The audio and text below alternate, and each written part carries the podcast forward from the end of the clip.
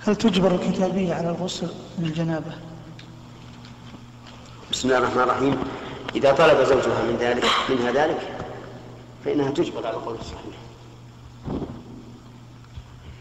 وإن كان هذا لا ينفعها لأنها لن تصلي لكن ينفع, ينفع زوجها بالنسبة لجماعه فإذا أجبرها أن أن تغتسل وجب عليها أن تغتسل. وقال بعض أهل العلم منها لا تجبر لكن الراجح أنها تجبر لحق الزوج. نعم.